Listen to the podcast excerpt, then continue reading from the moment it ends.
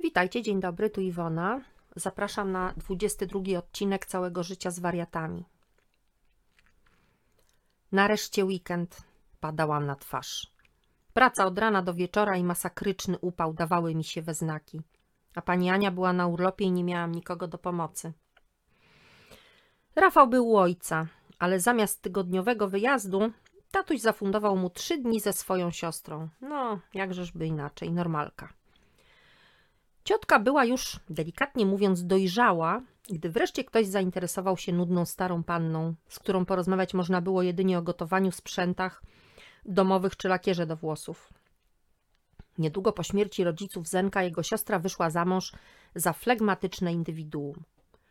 Szwagier nie podobał się prawie byłemu, jednak ostatnio najwyraźniej musiał czymś zasłużyć sobie na jego uwagę.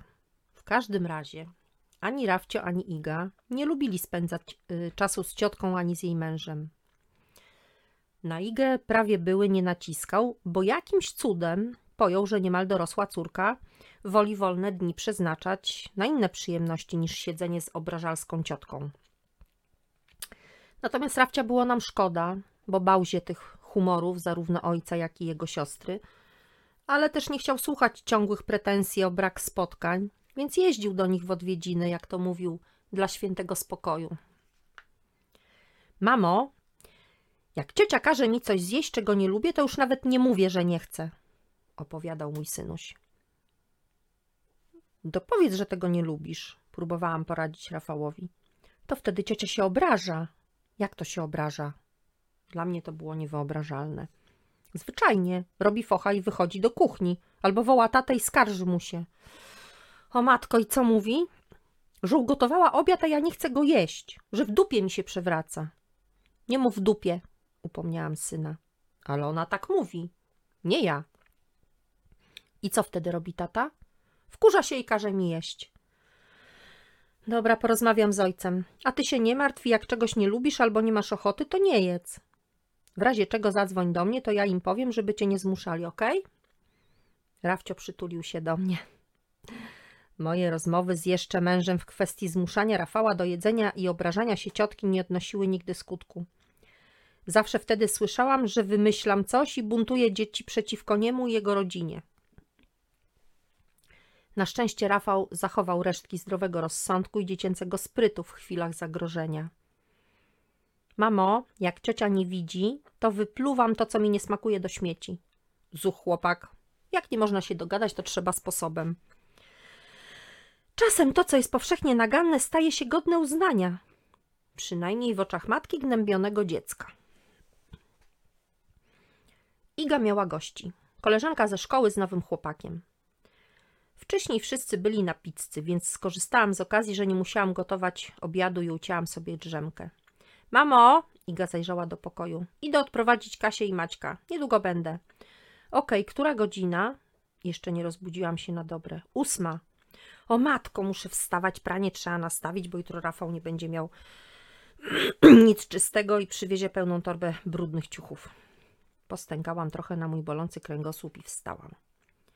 Nie minęło nawet dziesięć minut, a Iga wpadła do domu. Gdzie mój telefon? krzyknęła. Stało się coś? Stało, muszę zadzwonić na policję. Iga była bardzo zdenerwowana. O co chodzi, dziecko? zapytałam zaniepokojona. Parkingowy zaczepił Kaśkę. Stanęłam w jej obronie, groził nam. Iga nie mogła złapać tchu. Jak to zaczepił? Jak to groził? Parkingowy to sąsiad mieszkający w naszej klatce. Nigdy nie mówi dzień dobry, nie otwiera drzwi, gdy idę z siatkami. Generalnie niesympatyczny typ. A parkingowy dlatego, że codziennie pije z kolegami piwo na parkingu pod blokiem. Butelki stoją w samochodzie, a panowie stoją obok. Gdy pada deszcz lub jest zimno, chowają się do auta.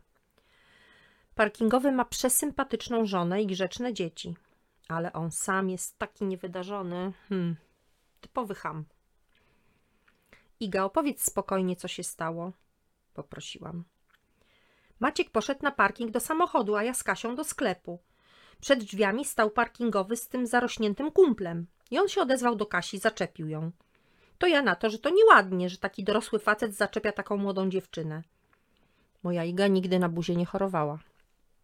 I wtedy wtrącił się parkingowy.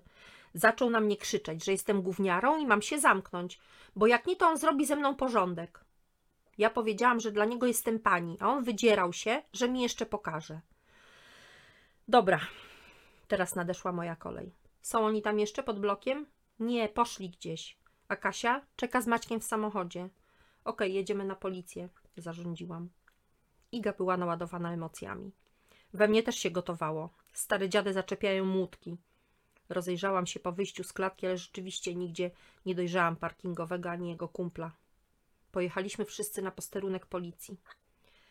Dziewczyny po moim wstępie zdały relację policjantowi w dyżurce o tym, co się stało. On łaskawie ich wysłuchał, najwyraźniej znudzony tym, co usłyszał. Popatrzył błędnym wzrokiem i poinformował nas, że nie widzi podstaw do przyjęcia zgłoszenia. Gdyby panowie zrobili coś dziewczynom, szarpali lub pobili je, albo kierowali pod ich adresem groźby karalne, wtedy musiałby przyjąć zgłoszenie. Ale w takiej sytuacji nic takiego nie miało miejsca. Zaś słowa o załatwieniu kogoś czy zrobieniu z kimś porządku nic nie znaczą. Nie kwalifikuje się to nawet na pouczenie dzielnicowego. I zupełnie nieistotne, że nastolatka będzie teraz bała się wsiąść do windy czy iść ulicą, bo obawia się spotkania z oszołomem mieszkającym obok. Na tym koniec odcinka 22. Dziękuję za wysłuchanie, zapraszam do komentowania i mam nadzieję do usłyszenia. Pa, pa.